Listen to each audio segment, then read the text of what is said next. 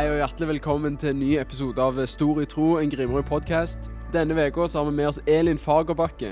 Hun har vært med å starte opp uh, Ungdom i oppdrag Kristiansand og Kvinner i nettverk, så vi gleder oss veldig til å høre hennes historie og hva hun sitter på. Ja, eh, Elin har betydd veldig mye for meg. Jeg kan huske veldig godt fra eh, når jeg tok DTS, disippeltreningsskole, så fortalte hun en historie som bare forandra hele livet mitt, egentlig, med Gud og kristenlivet mitt. Så jeg vil veldig anbefale til dere menn òg der ute som hører på denne podkasten, å bare virkelig ta til seg dette hun har å dele, fordi hun har sinnssykt mye erfaring og sinnssykt mye visdom. Så dette var en veldig spesiell eh, podkast å spille inn. Vi spilte den inn på Flekkerøya. Og vi gleder egentlig bare til at dere skal få høre sin visdom og det hun bærer på. Så med det så kjører vi bare episode.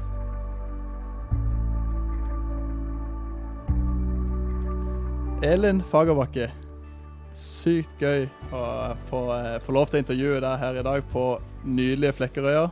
Dere I kamera her kan du se at uh, her er det sjø i bakgrunnen. og Hummerfisket er jo starta, så om det kommer noen uh, båter forbi, eller noe sånt, så er det sannsynligvis derfor. Men nok om hummerfiske. Igjen, Elin, sykt gøy at vi kan få lov til å intervjue deg her. og Jeg har jo litt kjennskap til deg nå, noen år fra jeg tok DTS for noen tre år siden. Og jeg husker jo sjøl at uh, den teachinga, eller undervisninga du ga, det var noe som ga meg virkelig gjennombrudd i mitt trosliv. Så for min del å kunne sitte her og intervjue deg, er jo bare en ære. Så koselig. Du eh, bor jo her, gjør du ikke det? Jo, det gjør jeg. Vi har bodd her siden 1994, så det er snart 30 år. Så ser du på deg, på deg sjøl som en flekke, flekkerøying? Du kan si det er jo et nåløye å kunne titulere seg. Det har jeg hørt. er det Flekkerøying?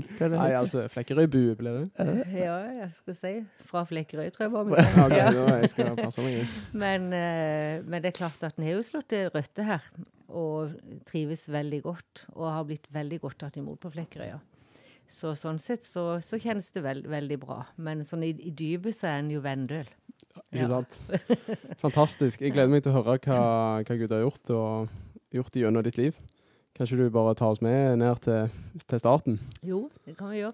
Altså, Som jeg sa, så har jeg vokst opp i Vennesla. Det er jo ikke så langt herifra.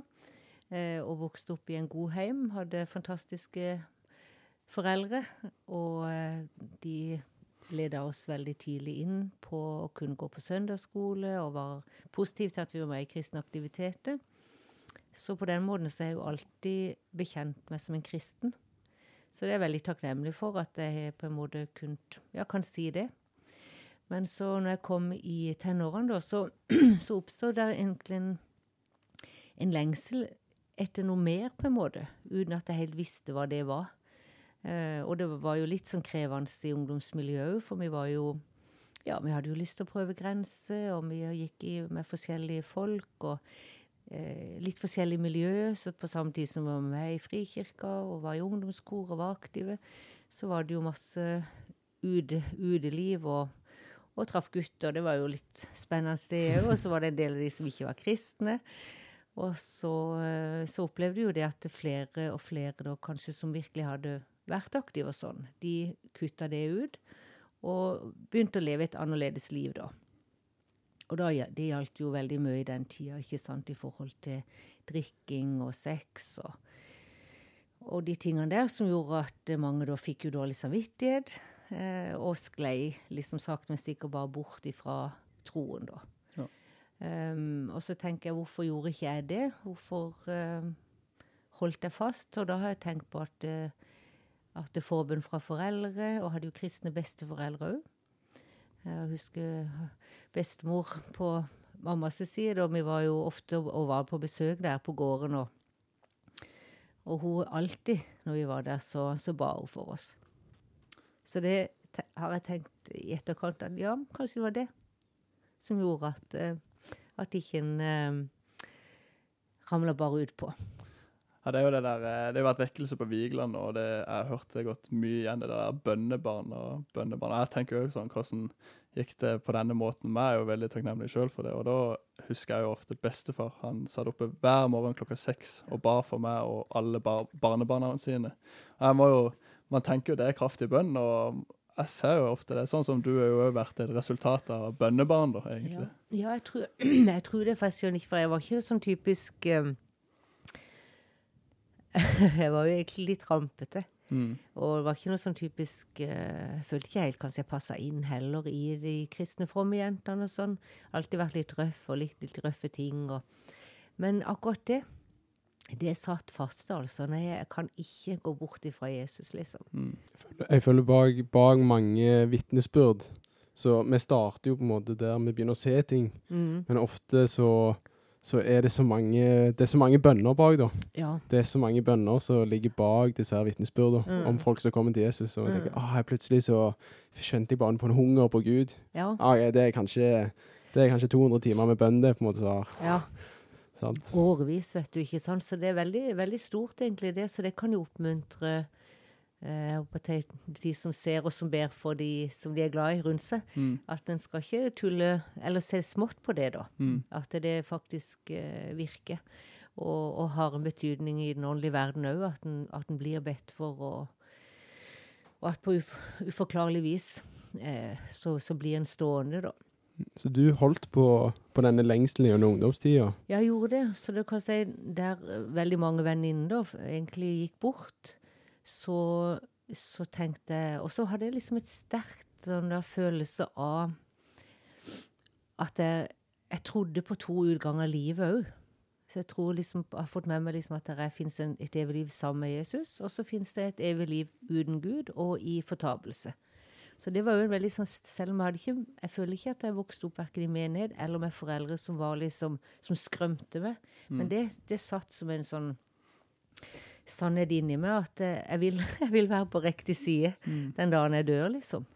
Eh, Så det tror jeg var, det var jo noe som, som holdt, holdt meg, meg inne. Og så etter hvert som jeg ble 16-15, eller 16-17 da, så, så, så steig den der følelsen at åh, det må være noe mer, liksom.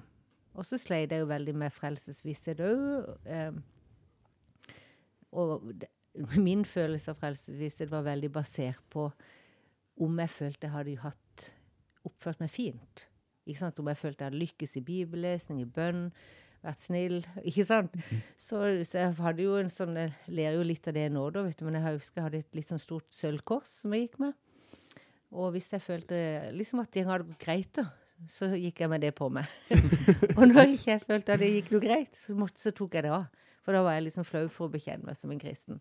Så det var jo en merkelig greie. Så det kan jo òg si noe kanskje om at eh, at jeg ikke hadde helt forstått eh, Guds kjærlighet og nåden i evangeliet, da. Ikke sant? I forhold til at vi er faktisk tilgitt, og at eh, jeg kan ikke legge noe til på min egen frelse, liksom. Ja, Når var det dette endra seg, da? Altså det var, Da var jeg faktisk 17 år, og da gikk jeg faktisk en god del alene. For jeg syntes det ble veldig vanskelig å være sammen med så mange som levde så annerledes. Eh, men så var det noen mennesker som jeg så noe i, liksom. Så tenkte jeg, hva er det du har som ikke jeg har? Så jeg kunne liksom nesten se det i blikket på dem, eller i ja, formidlinga de hadde, da. Og så skulle jeg være en sånn bibelhelg i, i Frikirka i Vennesla. Og da var jeg 17 15, det var på høsten, i november, husker jeg. Og så gikk jeg der, jeg ikke alene, og det var jo helst voksne folk. Og jeg tror jeg var den eneste ungdommen, nesten. Men der gikk jeg inn, og det var liksom den tørsten som trakk meg, da. Og da var det jo egentlig undervisning, og så var det jo lovsang. Eh, Det var jo egentlig på et litt sånn tidlig stadium med lovsang, ikke sant, så det var litt nytt, da. Um, men mens jeg bare egentlig satt og hørte på undervisninga der, så skjedde det noe i hjertet mitt.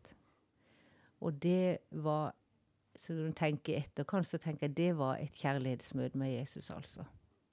Så da Jeg pleier å prøve, jeg skal prøve, prøve å forklare det, men det var, føltes liksom litt sånn at eh, OK, jeg hadde innlagt vann, men Jesus skrudde krana opp på en måte. Sånn føltes det. Jeg hadde vært kristen, og jeg er sikker på at jeg var en kristen òg, men altså jeg ble åndsdøpt, ble fylt av Den hellige ånd, som bare gjorde at når jeg husker jeg gikk ut av møtet den kvelden, så, så bare kom disse her, denne setninga elsker deg, Jesus, jeg elsker deg', Jesus. Og jeg husker jeg tenkte 'Hvor kom det fra?' Liksom sånn, For det var så tydelig innenfra. Tenkte, Ho, å, her det kommet fra hjertet mitt. Liksom sånn. Og det var en sånn helt uforklarlig gjennombrudd for meg i mitt kristne liv, altså. Altså Etter det så har det aldri, Aldri vært det samme, egentlig. Aldri vært den samme etterpå. Wow. Eh, du sa jo det der med, med frelsesvisshet. Mm. Og det har jeg kanskje aldri sagt det til deg, men jeg husker sjøl jeg sleit jo jeg sle- sleit ikke med det å tenke jeg var frelst, men det å tenke jeg var tilgitt. Jeg husker jeg skamma meg så mye. Det var kanskje det som tyngte mest for mitt kristne liv. Det var at jeg hadde så mye skam. Mm. Eh, og da husker jeg du sa på min DTS da, i din uke der, så sa du at hvis du er så cocky, og da var jeg klar med sånn eh, Hun skal ikke kalle meg cocky, i hvert fall. Ja, selvgod, selvsikker, da. Så sa du til alle Jeg følte du snakka kun til meg. Sa, hvis du er så selvsikker at du tror at din synd er for sterk for korset, Ja. da da har du stor tro på hvor god du er til å synde, ikke sant? Da, er, da, da er du cocky, altså. Og jeg husker når du sa det, og det, jeg vet ikke om jeg har sagt det til deg, men det, det husker jeg var som en 40 kilos ryggsekk tatt av meg. Siden den dag så har jeg faktisk aldri kjent på den skammen siden, egentlig. Det er deilig. Ja, det er fantastisk. Og det er jo det litt du snakker om, den der gjennombrudden du fikk òg, Ja, da. Men ja. jeg tror det at du fikk den gjennombrudden sjøl, Ja. har gjort at jeg kunne få den gjennombrudden. Og bra. sikkert hundrevis flere. Ja, det er godt å høre. Mm. Ja, det var det største for meg òg den kvelden, da. Den følelsen av å være tilgitt. Så jeg føler vel kanskje for første gang jeg virkelig i dypet av hjertet forsto at Jesus tok meg med rått og råde, på en måte. Mm. Alt hva jeg var. Hele pakka. og jeg tilgitt, ikke sant? Ja. Det var en fantastisk følelse. Så jeg husker jeg kjørte jo moped. Så den mopedturen hjem der, altså, jeg kunne, var nesten Philips Airline, altså. Jeg følte jeg var tjuvkjørt. Jeg var, jeg var så lett og fornøyd, vet du, og var en helt fantastisk eh, opplevelse at endelig liksom så, så var hjertet egentlig helt greben av hva Jesus hadde gjort for meg. Så det var et mirakel for meg, faktisk. Møtet med Jesus det endra jo sikkert noe med måten du levde livet ditt etterpå.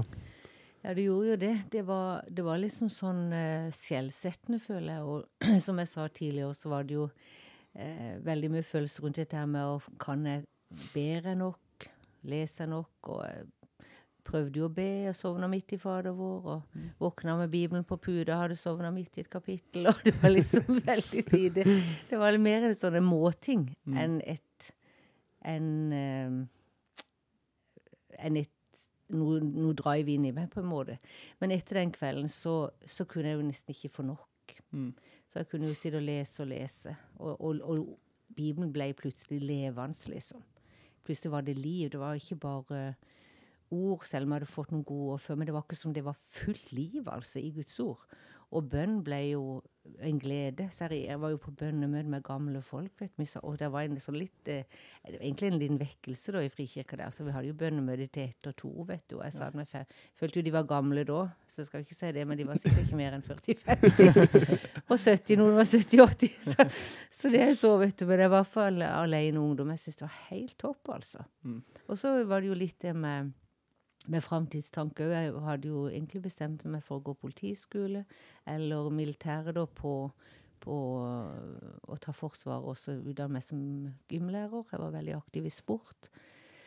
Eh, og plutselig så tenkte jeg nei, jeg har egentlig bare lyst til å jobbe fulltid, liksom. Så det ble jo lagt veldig ned, og fikk en veldig vitnetrang. Jeg vitner på hvert møte, tror jeg. så de var jo veldig snille med meg da, men jeg måtte jo få noe ut. Det var jo helt sånn eh, krakilsk og kanskje litt en sånn spir til forkynnertjeneste der, da. Ja, så Ønsket gikk til å være fulltid i misjon eller å Ja, jobbe for for Guds Jesus? rike, da. liksom. Ja. Mm. Absolutt. Ja, og da gikk eh, veien videre. Ja, så var det heldigvis noen da som eh, Noen av de som var noen år eldre enn meg, da, som hadde vært på én, trøa, jeg, Ungdom i oppdrag. Og de så jo hvor det bar henne, så de sa vi tror egentlig Ungdom i oppdrag kunne passe for det. Ja. så, og jeg visste jo ikke noen ting om det, og det folk eh, ja. Så tenkte jeg ja, jeg hørte jo på det. da Jeg var i bibelgruppe med de da de tok, de tok hånd om meg. Og så reiste jeg opp til Grimrud og etter videregående. Og da var det jo ni måneder DTS der. Og det var jo helt aldeles fantastisk for meg. Og til de som ikke vet hva DTS er, så er det jo disippeltreningsskole. Det minner jo om bibelskole, egentlig. Ja. Dette er ungdom i oppdrag sin Mm. eh, ting. Og det er jo kanskje mer fokus på disippelgjøring og det å nå ut. Mm. Bli først.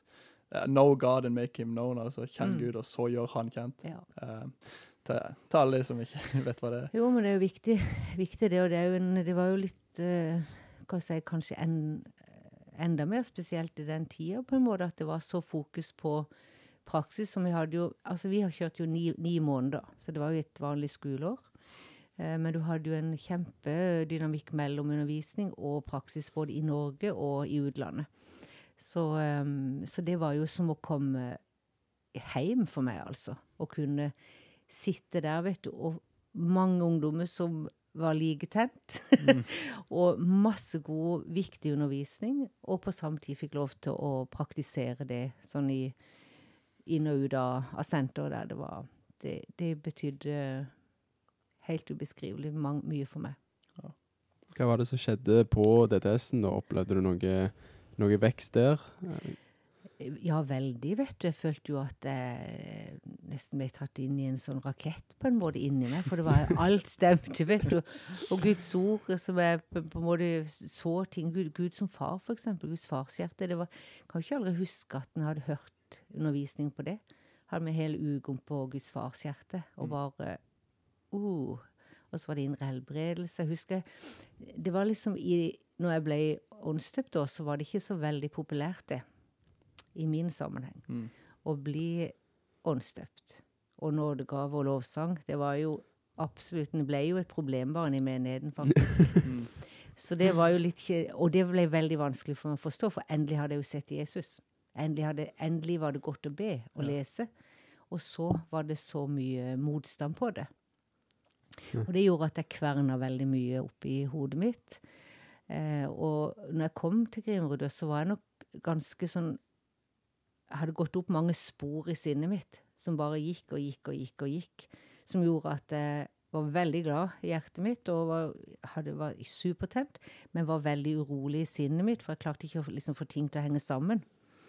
Eh, og da husker jeg vi hadde en som var på besøk, da, som snakka om dette med indre, indre legedom, og snakka om sjelen og tankene. Og, så da, og han var en del profetisk òg, så han la hendene på meg, og så sa han Og det var jo så langt tilbake at han kalte Og det var kassette.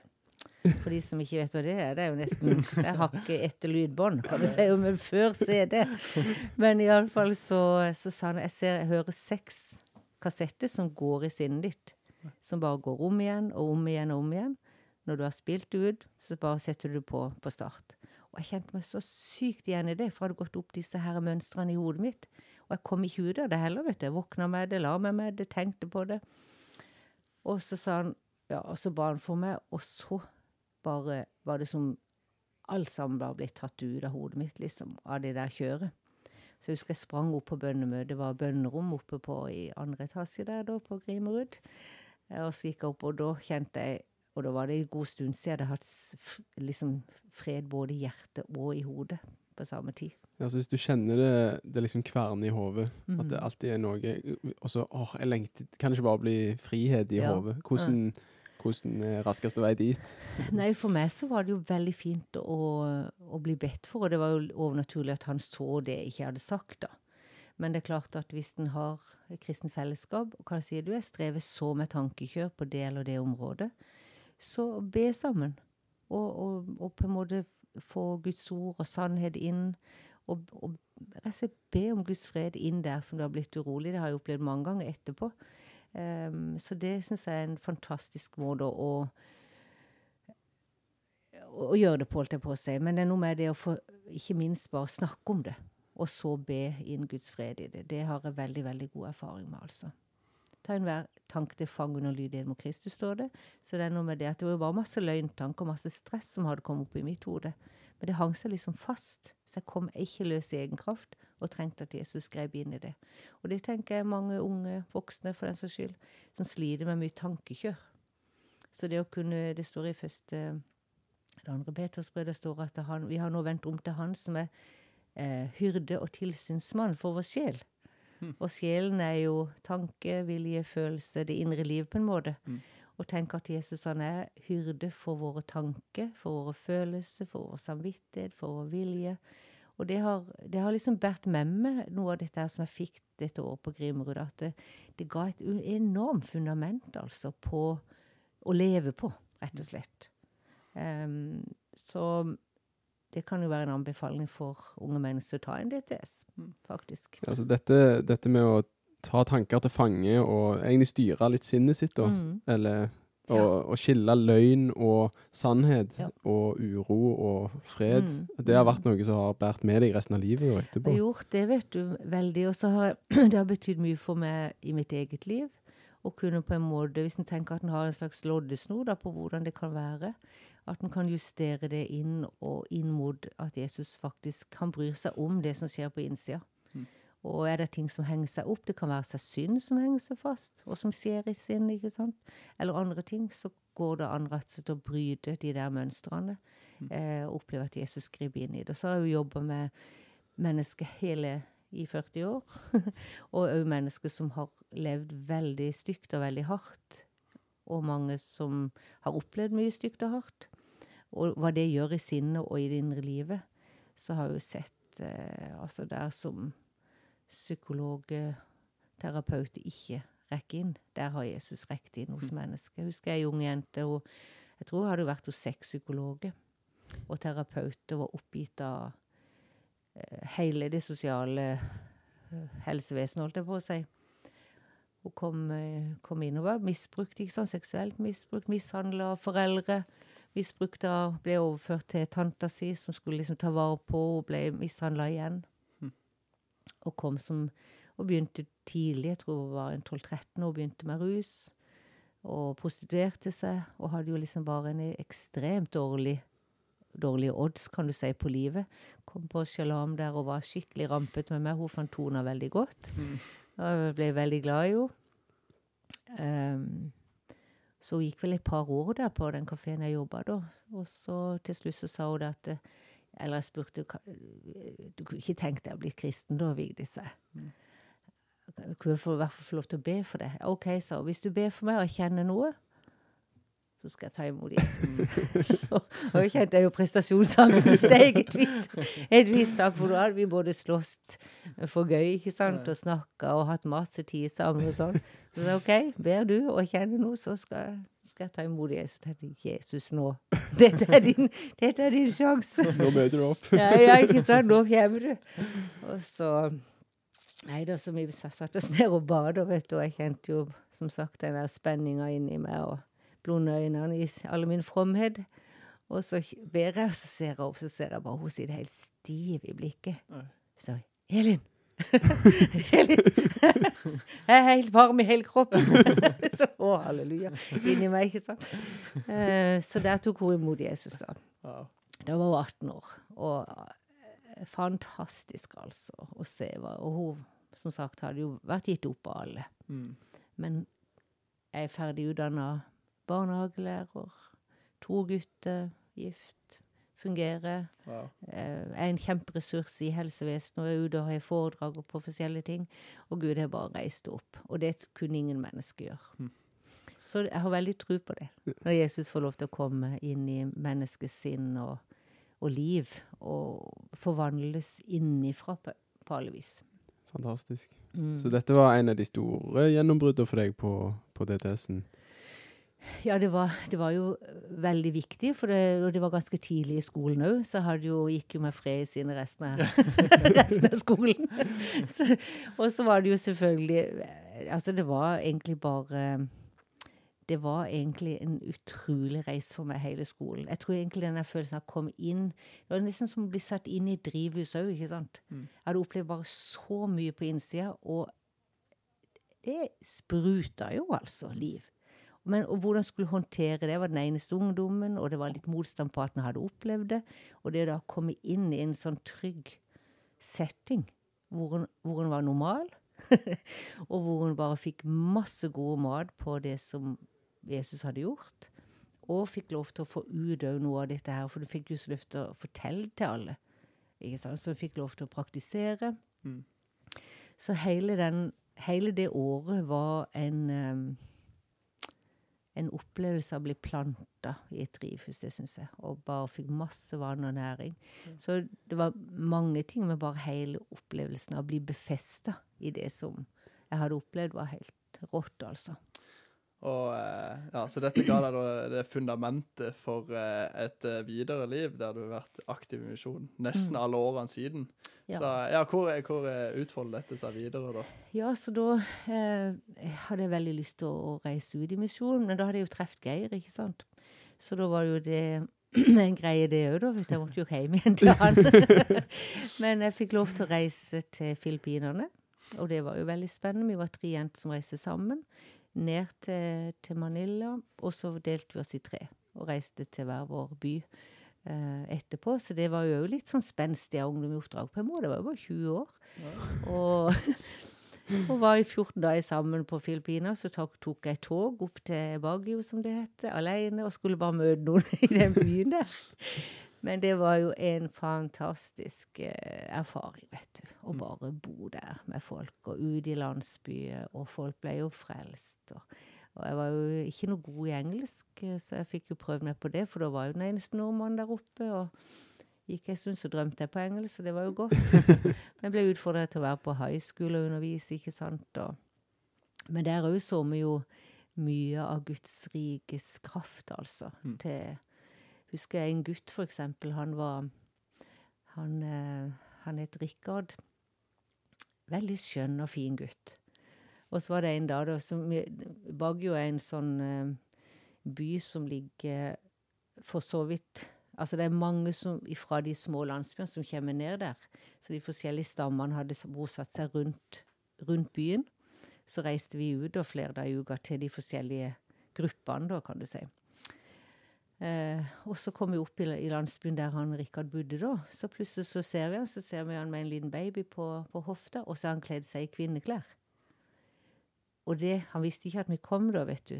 Så da hadde det vist seg at han var eh, transvisitt, egentlig. Så at han følte seg òg som ei jente. Hvor, hvor gammel var han her? Nei, han var rundt eh, tipper kanskje han var 18-20 år eller sånn. Ja. Så han var jo en ung, ung mann. Mm.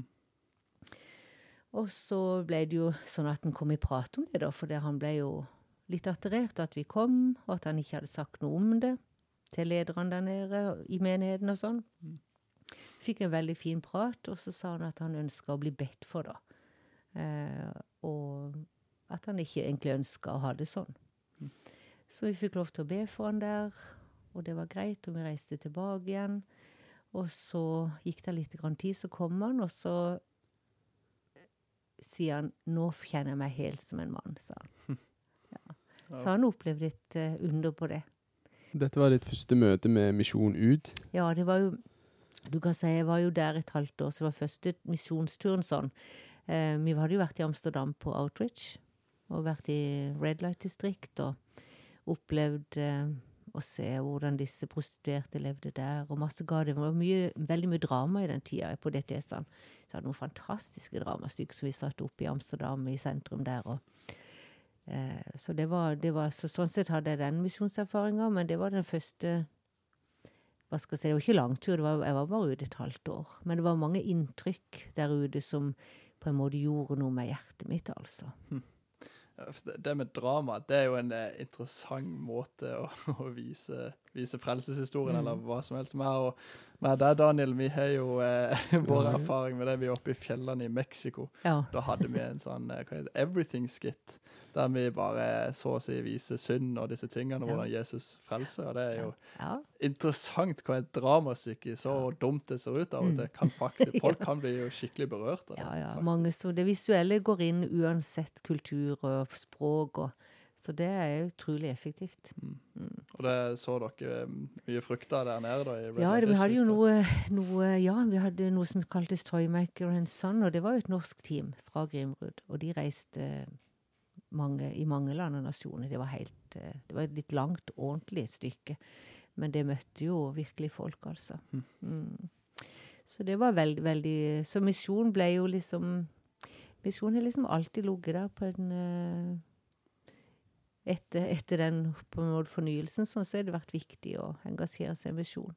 Hvordan var det, for du nevnte jo at du traff Geir òg på den tida. Mm. Og så, da har du jo to ting å forholde deg til. Hadde jo det, vet du. Så, så du kan si Det som var fint, var jo at vi har har hatt en felles mål om å gå Guds vei, ikke sant? Så vi var jo bare sammen da når jeg var der nede. Så, så men jeg, jeg tror jo hvis de ikke hadde hatt følge så hadde det blitt. Ja, jeg grein da jeg reiste fra Filippinene. Ja, jeg gjorde det.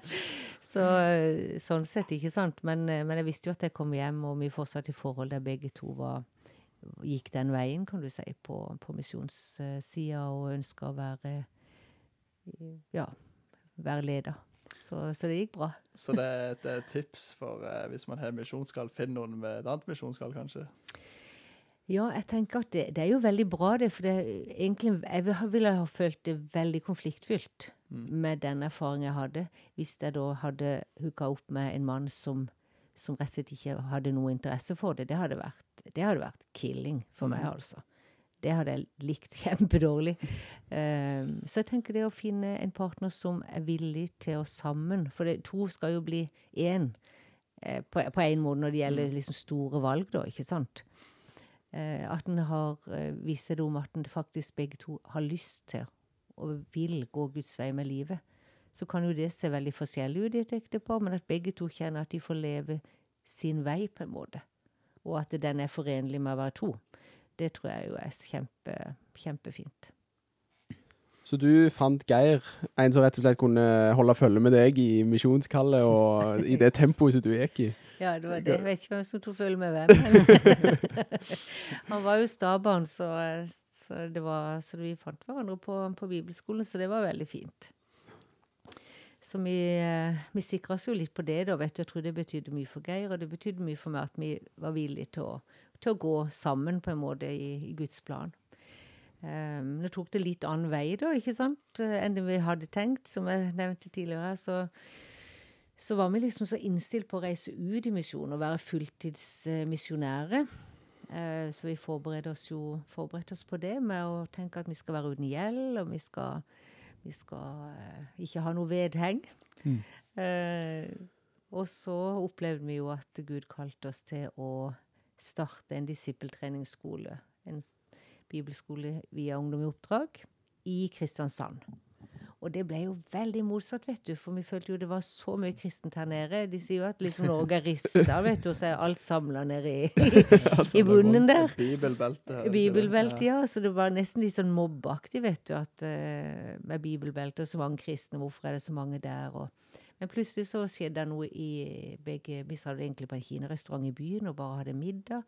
Og så begynte disse her tankene å komme. Ja, hva, hva med det potensialet? Hvorfor har Gud velsigna Sørlandet med så mye folk, mm. og så mye ungdommer som er frelst? Og, og så ble det tent en gnist på dette her med Ja, men tenk på det potensialet i misjon, da. Mm. Å utruste og disiplegjøre og, og se ungdommer møte Jesus eh, som virkelig Ja, som kan bli et stort potensial.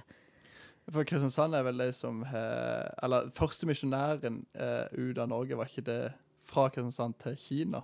Eller var det første misjonæren i Kina var fra Kristiansand? er det ikke sånn? Ja, og det tror jeg det stemmer. Mm. Ja, stemmer. Så det er et misjonskall her. Ja, det er jo det, og øya vi sitter på her har jo vært helt rå på misjonssatsing og ligget høyest på mange, mange, mange nivå, holdt jeg på å si. Så det, det, det, vi har jo vært kjent for å sende mye misjonærer og hatt en sterk misjonsfokus og samla inn kolossalt med penger til misjon. Mm. Så det er jo en sterk eh, sterk, hva skal jeg si, sterke eller dype røtter på, på, det. Så det tente hjertet vårt helt i eh, 100, vil jeg si. og så måtte vi jo få uh, go fra ledelsen i Ungdomoppdrag, så var Alfa Margrethe Magnus da, som leder, så vi ringte til de. Og de kjente òg veldig sanksjon på det. Så sa de at eh, da ønsker vi at dere kommer opp til Grimrud, som er jo hovedsenter i Ungdomoppdrag eh, i Norge. Og så lede DTS-en, at vi skulle lede DTS-en der oppe et år før vi fikk starte her nede, da. Så der var vi i 89 til 90 mm. på Grimrud for å på en måte få litt trening. Eh, og så starta vi på, i Kristiansand, eller litt nord her, i 1990 med første skolen. Hmm. Og da, da, var det ingen bygg, det var ingen eh, ja, Hvordan fikk dere tak i en plass å være? Ja, vi begynte jo å leide, vet du. Tenkte hvor i verden kan vi være? Så vi endte opp på et eh, gammelt leirsted oppe i Birkenes, eh, fem mil fra Kristiansand, eller fra Flekkerøy. Og så og, så, og det var kjempenedslitt.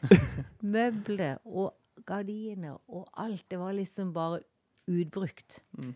Men vi var jo bare full av inspirasjon, mot, så vi renoverte hele leirstedet. Malte alt. Oi. Kjøpte nye møbler, innreda. Sydde til og med sengeteppe og pude til sengene. og vi omgjorde vedbua til soverom. Og ja, vi sto på der ganske sånn kraftig i noen måneder, fikk leid det, da. Og mot at vi pussa det opp, da, ikke sant. Så jeg tror vi betalte leie ved oppussingspengene og sånn. Og begynte da på høsten 1990.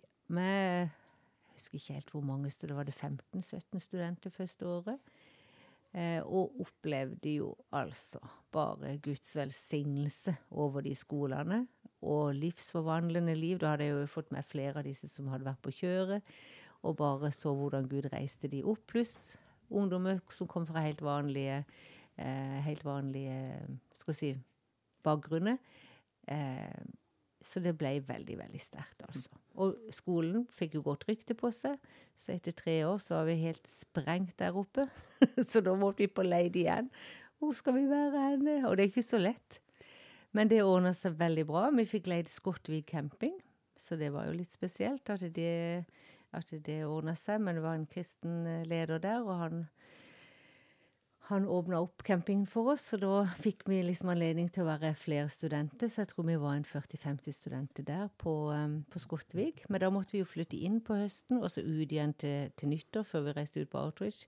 Og det var jo Vi kjente liksom at det var Ja, vi var egentlig helt åpne for det, men òg litt sånn tungvint å ikke kunne ha en Vi begynte å kjenne behovet for å ha et senter som var vårt, på en måte. Mm. Eh, og så begynte vi å leie igjen da, og da dukka Skjærgårdsheimen opp på Flekkerøya. Vi var ute og så. Vi hørte at Blokkås hadde gått konkurs, og at det var kjøpt opp det, hele den eiendommen av forretningsfolk. Så vi var ute og så, og kjente jo bare wow. Ah, dette hadde vært helt, mm. helt ma maxi. Sånn. Og det er jo en juvel. Ja, det er jo en juvel, virkelig. Soloppganger der, ja. og utsikt over panoramautsikten over sjøen, ja, ja, og til det fyrhuset der ute. Det var ja, det er jo bare absolutt nydelig, vet du. Og vi kjente jo så i magen dette er jo stedet. Og så tok vi kontakt. Nei, ikke aktuelt. mm. Og hjertet sank jo helt ned i tærne omtrent. ikke sant? Og tenkte nei, nei, nei, nei. nei. Men så kjente vi bare vi må, vi må spørre en gang til. Og så fikk vi jammen meg ja fra de, altså. Mm. Så vi ga to og en halv million. For, eh, og da var det jo et nytt, uh, nytt bygg med tolv hotellrom, egentlig. Og så var det jo den gamle bygningen, og syv mål tomt. Og med hud og hår, holdt jeg på å si, med alt innbo. Av seng og sengetøy og kjøkkenutstyr. Alt. Altså, vi kunne bare overta det sånn som det var. Helt, altså, To og en halv million på den tida er jo mer enn det nå, på en måte, men uh, å, å, få den tomta der for den prisen, det er, altså, det er, bare, det er jo Guds svar. Ja, det er det villeste, vet du. Ja. Det var absolutt det villeste. Nå betaler jo folk 3 millioner for 500 kvadrat tomt her ute. Ja. Så det var jo et uh, skal jeg si, guddommelig greie, altså. Så siden har vi jo vært der, og, og, og da Jeg tror vi hadde rundt 100 søkere på hver DTS der den tida. Det var jo liksom bare Og vi kunne ikke ta mer enn rundt 50. Men uh, det var en voldsom vind i seilene. Vi hadde weekender der, familier. Jeg tror vi hadde seks-syv uker om sommeren vi sto på som, som gale, vet du, på, og holdt uh, Så det ble en veldig god, god drift og, og, mye Mange sendte ut. Og, og etter hvert har jo Jeg tror Skjærgårdshaugen nå har 50 langtidsmisjonærer ute. Så det kallet om misjon, da, ble jo på en måte duplisert i mange ganger. Ja. Så selv når ikke vi reiste ut, og vi følte det var veldig rart at ikke det ble eh, misjonsmarka på fulltid, så, så ble det, har det blitt en virkelighet at en fikk hva skal jeg si, mobilisert eh, eh, andre til å, å, reise ut, og disippelgjort flere til å gjøre oppdraget. Altså Gud satt liksom misjon på ditt hjerte og lot deg få se litt hva det handla om. Mm. Og så ja, OK, dette med å multiplisere. Ja. Det, og, så, og så har han satt deg og Geir til å Så sende ut flere, faktisk. Ja. Ja, ja. det ble liksom det som Det ble det vi drømte om der, da. At flere kom, og flere ble satt i stand. Og, så det har vært et eh, Ja, et privilegium, egentlig, å få lov til å gå med Jesus. Og jeg tenker noen ganger ja, hvis jeg skulle fått levd på nytt, da, ikke sant, så hadde jeg bare valgt valgt Jesus igjen og valgt å gå Guds vei. Jeg har ikke angra ikke en eneste dag på det. Ikke bare vært uh, superlett. ikke sant? Det er mange utfordringer, men akkurat det å kjenne at den er i Guds plan med livet, det har vært fantastisk. Wow. Og du, eh, på denne tida òg så eh, begynte jo du, du Det var det du som starta opp Kvinner i nettverk. Samtidig som du er med og pionerer i en base og Mm. sende ut misjonærer og disse tingene. Hvordan, kan ikke du ta oss med på eh, reisen med Kvinner i nettverk og visjonen og hele greia, egentlig? Ja, altså det var um, egentlig Noe av den der ner nerven i det, da, det var egentlig igjen å se potensialet i damer rundt forbi. Å være med og kjenne liksom en veldig glede å skulle være med og heie frem og se og, og vanne, holdt jeg på å si, det som ligger i unge og voksne damer rundt forbi. Og klart, nå er dette 33 år siden, så det var jo òg en sånn tid hvor, hvor det var enda mer enn nå, enn nå en følelse hos damer at ikke de turte eller hadde frihet til. At det var åpning for at de kunne på en måte leve ut kallet sitt. da. Så det, det var jo mye mer snevert enn nå, egentlig. Og det å kunne få lov til å være med og sette opp disse konferansene Det har jo vært en sånn salvelse i de konferansene i forhold til å eh, egentlig bare møte Jesus. Og det er jo sånn at når vi møter han, og det var jo min erfaring òg, at når jeg fikk møtt han og sett han, så ble jo ting forløst i livet òg, til å kunne leve for han. Og det hadde jeg lyst til å gi videre. Så det er egentlig noe av det som er noe av hovedvisjonen vår, det er at vi kan eh, sette opp samlingspunktet, og vi ber Gud om å komme hver eneste gang, han har vært så trofast alle de årene. og vi har jo, jeg vet ikke, tusenvis av vitnesbyrd av damer som har møtt Jesus, og, og som har blitt engasjert i lokalmiljøet, i byen sin, og har blitt engasjert i misjon på forskjellige måter.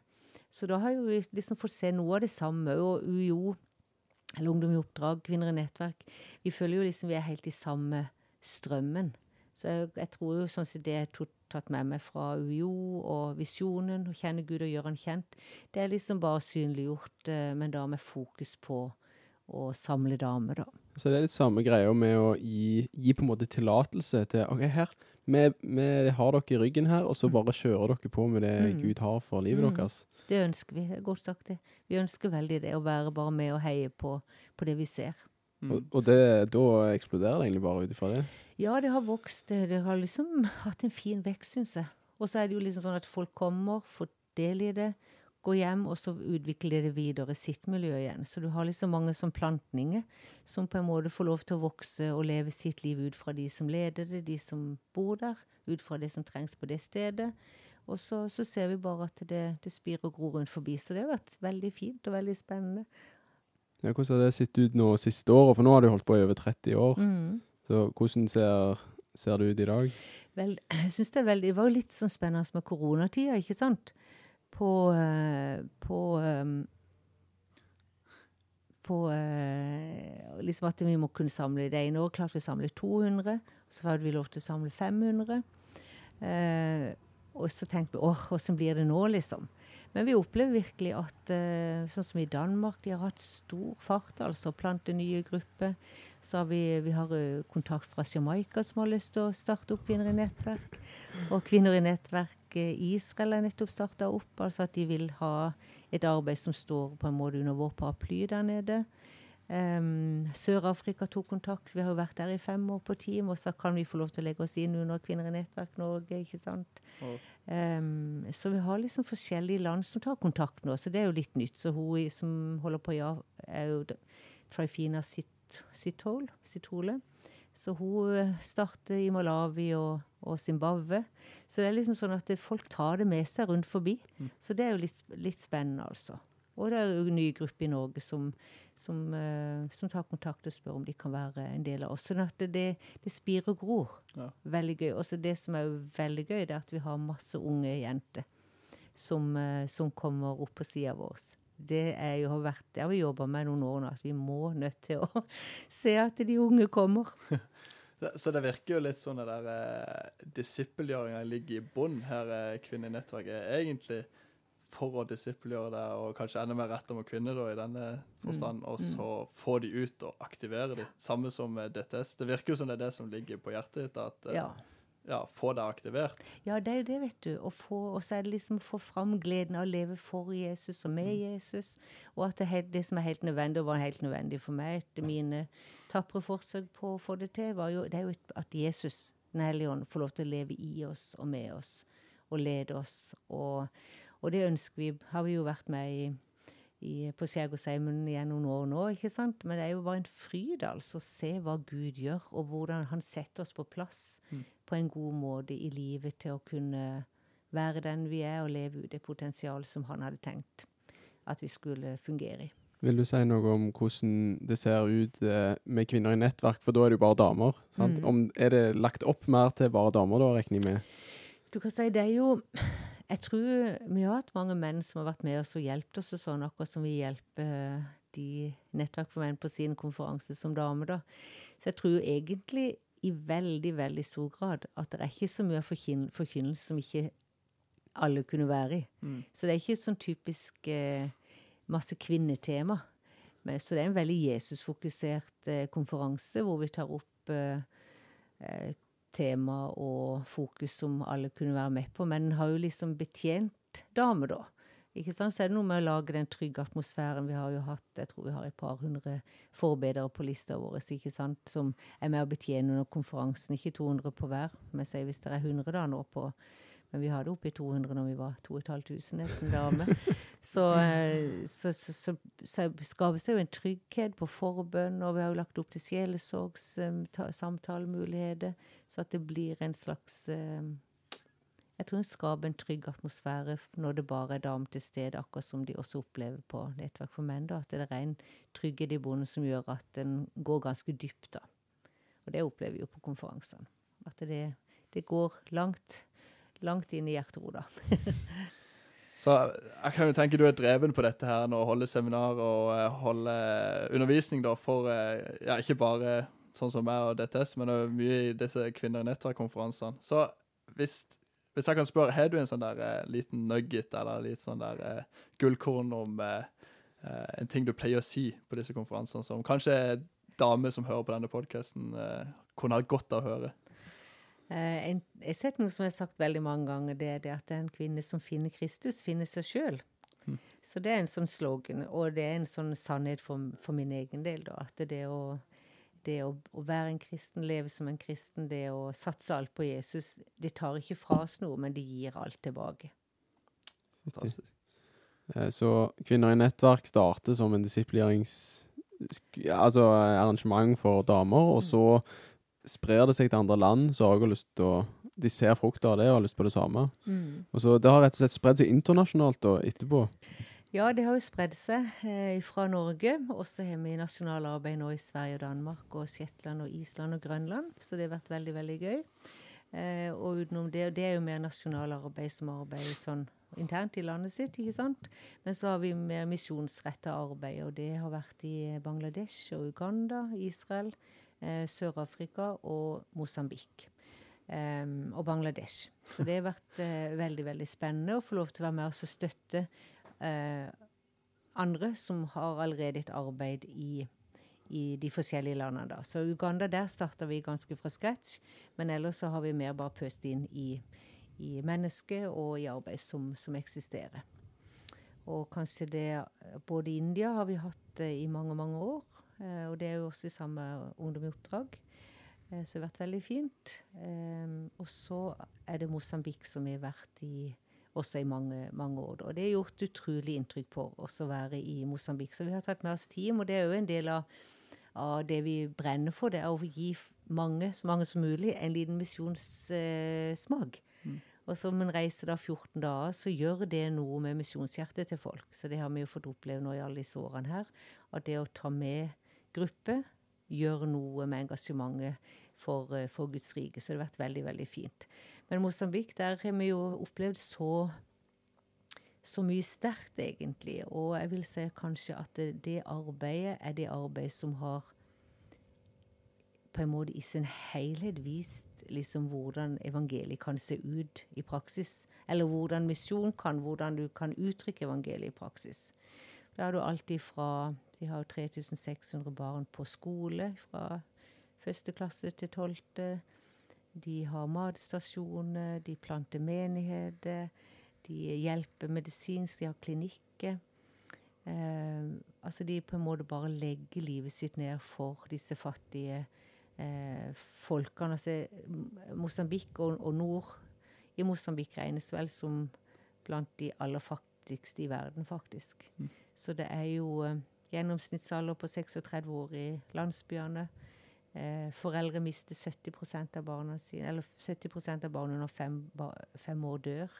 Så det er jo en, et sånt lavnivå på en måte av helse og mulighet for skole og framtid som er ekstremt lav, da. Så der går Iris Ministry inn på en fantastisk måte. Ja, så du ser både, både mye mirakel, og liksom Gud jobber mye der òg, samtidig så det er mye nød eh, Ja. der nede. Det er jo det også, føler at de kommer i møte med nøden på, på sånn utrolig heil, et helt perspektiv, da. Med at de gir helt praktisk hjelp, bygger huset, har medisinsk hjelp, liksom sykehusklinikker, og på samme tid som det er jo en enorm åpenhet for evangeliet og kraften i evangeliet. Så når vi har vært eh, både på senter der, men også når vi reiser ut i landsbyene, så har vi jo sett blinde få syn igjen. Sto sjøl og var med og ba for, for eh, en mann der. ikke sant? Var helt hvit på øynene. Det var liksom, Han kunne ikke se. Var, ba- altså, en sånn rar hvit hinne. Og vi sto og ba, vet du. Og vi ba og vi ba og vi ba, og så åpner vi øynene til slutt. Så ser vi liksom hvordan bare den hvite fargen bare forsvinner fra øye- ikke sant. Og det bare blir mer og mer brunt. Og det er jo ganske så radikalt, vet du, for, eh, for de av oss som er med og, og ser hvor mange som ba. Så ingen som kan si jeg ba, han ble helbredet, men du så liksom bare miraklet foran øynene dine. Ei lita jente på ni. Hun hadde ikke kunnet høre og ikke kunnet snakke eh, siden fødsel. Eh, som første gang eh, sier mamma og kan snakke. Så de har jo hatt en veldig, veldig sterk spesielt på det med døve. Sånn at det, hver landsby de kommer inn i, så har de invitert, spurt er det noen døve i landsbyen. Og så har de kommet med de, og uten unntak de siste årene så blir døve helbreda. Så spesielt på det med, med døve, ikke sant? Wow. Og det, boff, sier de jo bare. Så er jo bare folk superåpne for det de ellers vil se. Så de viser jo Jesusfilm og, og mange andre helbredelser Er de under Heidi Baker sin Det er Heidi Bakers eh, ministry, ja, Iris Ministries heter det. Hun har jo arbeid i mange, eller De har jo arbeid i mange land, men det er jo veldig, hun bor og lever jo, eller de bor og lever i, i Mosambik, i nord der. Det er ganske heftig nede i Mosambik nå, er det ikke det? Jo, nå i de siste årene har det jo vært helt eh, vanvittig, og det hører vi jo altfor lite om, egentlig. Du har en sånn IS-gruppe som har gått inn siden 2017, og de har jo tatt livet av og plyndra og brent utallige landsbyer. Så det å fortelle, og det, å det de ser når de kommer inn i disse landsbyene, det er liksom bare eh, hva skal det, skrekkfilm, altså. Så de voldtar, dreper kvinner og barn, dreper mennene der. De kutter av de eh, legemsdeler. En av pastorene ble korsfesta inn der. Han overlevde ved et eh, mirakel, men var brent store deler av kroppen. Brenner ned. De bare liksom legger disse her eh, enkle landsbyene bare flatt foran seg. Så det er ja, det er jo helt uten ord, egentlig, hva de opplever av lidelse der. Men de har blitt godkjent av UN, altså um, som den eneste organisasjonen, tror jeg, nord der, som, som de samarbeider med. Så de har jo pøst inn enorme mengder med medisinsk hjelp, med byggemateriale, med, ja, med all nødhjelp som kan tenkes. Så de har jo virkelig stått på, og de sier jo at de opplever en større åpenhet enn noen gang, da. Det er klart nøden til disse menneskene som har mista hele familie, som er skada på alle mulige måter. De har liksom bare tatt imot Jesus på en ja, veldig radikal måte. Så i midt oppi det totale mørket, så opplever de jo en, eh, en fremgang da for, for Guds rike. Og det som snakka jo nettopp med Heidi nå, bare for noen dager siden, og hun sa det at eh, de hadde vært og evangelisert og planta menigheter i alle landsbyene rundt der før dette skjedde. Så det gjorde litt inntrykk på meg. Jeg tenkte Gud, tenk at du har gitt hver landsby anledning Hæ. til å Wow. bli kjent med det. Wow. Det syns jeg var veldig sterkt, altså. Og de har jo holdt på i 30 år der nede, over 30 år. Og planta hver eneste uke er de ute i landsby. og forkynner. Nye landsbyer. Lærer opp eh, pastorer. Legger livet sitt ned. Og så plutselig kommer denne her katastrofen. Og jeg tenker så mange er redda for himmelen gjennom, gjennom at det skjedde. Jeg har, har vært. Så det gjør inntrykk på meg, altså. Men de ser jo masse helbredelse på alle, alle plan. Så nei, det er Jesus lever, sier jeg bare. Det er håp for Mosambik òg. Ja, håp for Mosambik òg. Mm. Eh, jeg tror vi begynner å nærme oss en landing her, Elin. Det har Ja. vært fantastisk å ha det her. Men uh, før, uh, før vi slipper deg av sted her, så har vi gjerne lyst til å høre hva er, hva er din hjertesak? Hva er det du egentlig brenner for? Og uh, kanskje mer dagsaktuelt, men òg sånn generelt, hva er det du brenner for med Jesus? Og syns lytterne burde sitte igjen med etter denne episoden? Ja. Altså, jeg er egentlig engasjert av mange ting. Jeg, altså, det er mange ting i samfunnet, politisk. Det kan være seg hvordan samfunnet utvikler seg. Det være seg ja til liv i forhold til å ta vare på barn i mors liv. Det kan være å virkelig nå mobilisere på, på dette at uh, jenter må få lov til å være jenter, og gutter må få lov til å være gutter. Og kanskje jobbe litt med mangfoldet innen det å være jente og, og gutt, istedenfor at en, hvis den er litt guttete som jente, at den plutselig skal begynne å tro at den er gutt, og motsatt. Hvis den er litt finstilt som gutt, så skal en prøve liksom å tenke at den skal han få lært at ja, kanskje ikke du er gutt, kanskje du er jente, siden du syns det er gøy å være legedoktor, ikke sant. Så det, mange av de tingene det, det brenner veldig nå, for jeg tenker vi mobiliserer for Guds rike og det som er sant på det. Men dypest sett så brenner egentlig først av alt at eh, så mange som mulig må få oppleve Jesus så kraftig som mulig. For jeg tror at der ligger selve livet til livsforvandling for ens egen del. Livsforvandling i familien, livsforvandling i samfunnet. At, eh, at vi får en ekte, reell erfaring av hvem Jesus er. Og da, da har han lyst til å leve etter Guds ord. Da har han lyst til å og eh, da får han liksom ting på plass. Så jeg tror hun kan, kan jobbe mye politisk. Men jeg tror dypest sett så trenger Norge å se Jesus på nytt. Eh, og så det tror jeg vil forandre samfunnet på samme tid. Så det har jeg lyst til å bruke resten av livet mitt på. Ja, nå har jeg jo Sånn. lyst til det, i hvert fall. Ja, men. Ja. Har du lyst til å be for eh, oss og lytterne til slutt, og så Mhm. kan vi runde av? Ja, det kan jeg gjøre, vet du. Far i himmelen, takk for uh, den eh, gjengen som sitter her rundt meg og setter opp denne podkasten. Jeg ber at du velsigner de kraftig tilbake, Herre Jesus. Og vi ber Jesus for Norge. Vi ber for eh, ung generasjon, voksen generasjon, Herre, at vi må bare lære å kjenne deg dypere, Jesus. Takk deg for den du er, Herre. Takk deg for at du er virkelig veien, sannheten og livet. Og vi ber om at du må ta plass i, i våre hjerter som bare du kan. I Jesu Kristi navn. Amen. Amen. Igjen, tusen takk. Mm.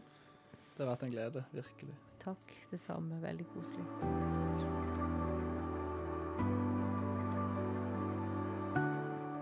Hjertelig velkommen til Bling Studio, Daniel og Endre. Takk. Takk. Uh, her sitter vi nå i dag i mitt studio. Uh, hjemmesnek, bare mitt. Mm. Snekrer, snekrer du den gitaren? Ja, ferdigsnekk. Og ja, så denne episoden er jo da Elin Fagerbakke. Yes. En uh, veldig bra episode, vil jeg Mm. si. Eh, motiverende og gøy å høre på. Og ja, hva tenker dere? Jeg er bare inspirert. Altså, hun tar jo bare store valg i tro og liksom prøve å nå folk med det. Altså, liksom, det ser så enkelt ut, men hun bare elsker folk Mm. fordi hun elsker Gud, og så tar hun store steg, i tro. Og så er jeg megainspirert. Ja. Det virker så enkelt. Så Mm. Ja, var- fantastisk. Ja, jeg, eh, eh, jeg snakka faktisk i går i en kirke, Spangereid, eh, Betania på Spangereid. Mm. Og da eh, eh, snakka jeg ut ifra andre Mosebok 4 vers 11. Da eh, driver Moses og diskuterer med Gud og sier til Gud liksom eh, hvem er til å kvalifisere til å snakke imot farer og lede et, et folk, da, Israelfolket. Og så eh, Navnet på podkasten heter jo Store tro. Hvorfor Mm. intervjuer vi Elin? Fordi vi tenker jo hun er stor i tro, da. Men eh, jeg kan jo faktisk Jeg kjenner skikkelig igjen den der Moses-historien i det der med Elin. Jeg, nå fortalte ikke hun at hun hadde sånn der, at hun ikke hadde troa på seg sjøl, men det som er sykt, er at jeg tror ikke det er noe sånn ekstremt spesielt med Elin, men Mm. det er noe ekstremt spesielt med guden som hun tjener, Mm. eh, som gjør at eh, eh, det er ikke så mye med hun å si, men mer med sin lydighet, og så kan Gud gjøre syke ting gjennom det. Det er fett. Um, ja, så det, det, virker- det syns jeg er kult. Hvordan eh, fruktene hos sitt, sitt liv da, har Ja. egentlig bare vært sykt store. og De hadde hundrevis av søkere på DTS-et, og Mm. de kunne bare ta inn 50 om gangen. ikke sant? Og det overflod. Kvinner i nettverk er jo gigantisk nå, og over Ja. hele verden er det begynt å spredde seg. ikke sant? Så det virker som sånn enkel lydighet. Ja, Gjør store ting. Det er ganske sykt. det. Ja. du er god der. Ja. Har du noen tanker, egentlig? Ja, jeg, som folk sikkert veit nå. Jeg sitter jo og redigerer disse episodene. Og jeg For synes- det blir ikke du bilsyk av, sa du? Sist? Ja. Ja, stemmer det. Uh, nå bruker jeg sånne her, eh, bilsyketabletter. Mm. Nei, uansett, jeg syns det er veldig kult å ja, bare se Hun virker så utrolig chill, og bare Det er så enkelt. Ok, Kanskje det er tungt, men uh, hun bare tror virkelig på Gud. Mm. Og uh, ja, hun har både starta YOM, eh, eller Ungdom i oppdrag Flekkerøya, eller Skjærgårdsheimen, og, og pionert Kvinner i nettverk. Og jeg syns det, det er kult. Det er rått. Og hun har mange kule historier der. Eksempel, som hun sa. At uh, de er ute og bare ber for blinde, og de får se helbredelse. da. Og Nei, veldig gøy å redigere den eh, episoden her. Veldig moro. Eh, vi lurer jo på eh, hvordan de siste to ukene dine har vært, for det var ikke Blingstjørne siste uke. Nei. Hvor har du vært, og har du, hatt- har du hatt det greit, Benjamin? Ja, jeg har hatt det kult. Jeg skulle egentlig på ferie, men jeg endte opp syk på sofaen i to uker. Ja, Så det, det var jo kult, det òg. Ja da. Så da fikk jeg jo sett gjennom episodene på nytt. Mm. De Ja, det var, så det er gøy. Mm. Og viste dem til alle jeg kjente. Ja, men så gøy. Så det er gøy. Det er bra. Har du noen oppfordring egentlig til etter du har sett denne episoden? Har du noen oppfordring til meg og alle andre som hører på? Nå går brannalarmen. Noe jeg syns Eller noe jeg har lyst til å utfordre dere der hjemme, og deg, Endre, spesielt deg, Endre, er jo OK, hvis Gud har eh, kanskje kalt dere til å starte opp noe, og eh, sånn som da Elin har gjort, da, starta opp begge disse, pionert dette, og kanskje Gud har satt noe på hjertet deres til å faktisk gjøre det, så utfordrer jeg det til å bare ja, ta oss og gjøre det. Mm. Bare ta oss og gjøre det. Bare ta og gjør det. Ja. Så ja, kanskje sjekke ja, om det du har noe. Det er liksom ikke oss det avhenger så mye av. Selvfølgelig Mm. vi må være villige, men det er faktisk Gud som gir styrken til det. Stemmer. Og Gud som faktisk eh, blåser liv i det. Ja. Det er wow. For en takeaway. Take it away. Så ja, jeg tror det, det er det, hvis ikke det var noe sp Vi har fått inn spørsmål, Benjamin. Ja. Ja. Og det- vi har fått spørsmål til Daniel òg. ja. Først var, til Daniel, hva er ditt favorittpiano? Nord. Spørsmål til deg, Benjamin, ja. fra Jonas på Spotify. Mm. Og til alle dere andre, dere kan stille spørsmål til Benjamin under her. Under på Spotify. Kom an på hvor du hører på. Òg på Instagram. Men de spurte, han spurte deg hva er ditt favorittdyr, Benjamin. Oi, hjelp. Uh, ja, det var jo et av kriteriene. Ja. Og det er Jeg elsker flodhest og leopard. Mm. Og- Leopard. Leopard. Ja. Lep ja. Leopard. Ja. Jeg elsker det, fordi uh, leoparden er stor og rask, og flodhestene er jo så kjemperask og grei nok, den. Og så nei, mine favoritter er elefanten, faktisk. Når jeg, når jeg tenkte meg gjennom fort, så tenkte jeg at elefanten er faktisk mitt favoritter. Ja. De skal helst være grå, da. Det er samme hvilken farge. OK? Ja, Det var alt. det var alt. Skal vi eh, spille en trall og så si ha det? Så jeg har det først. Ja. Ha det! Ha det. Ha det.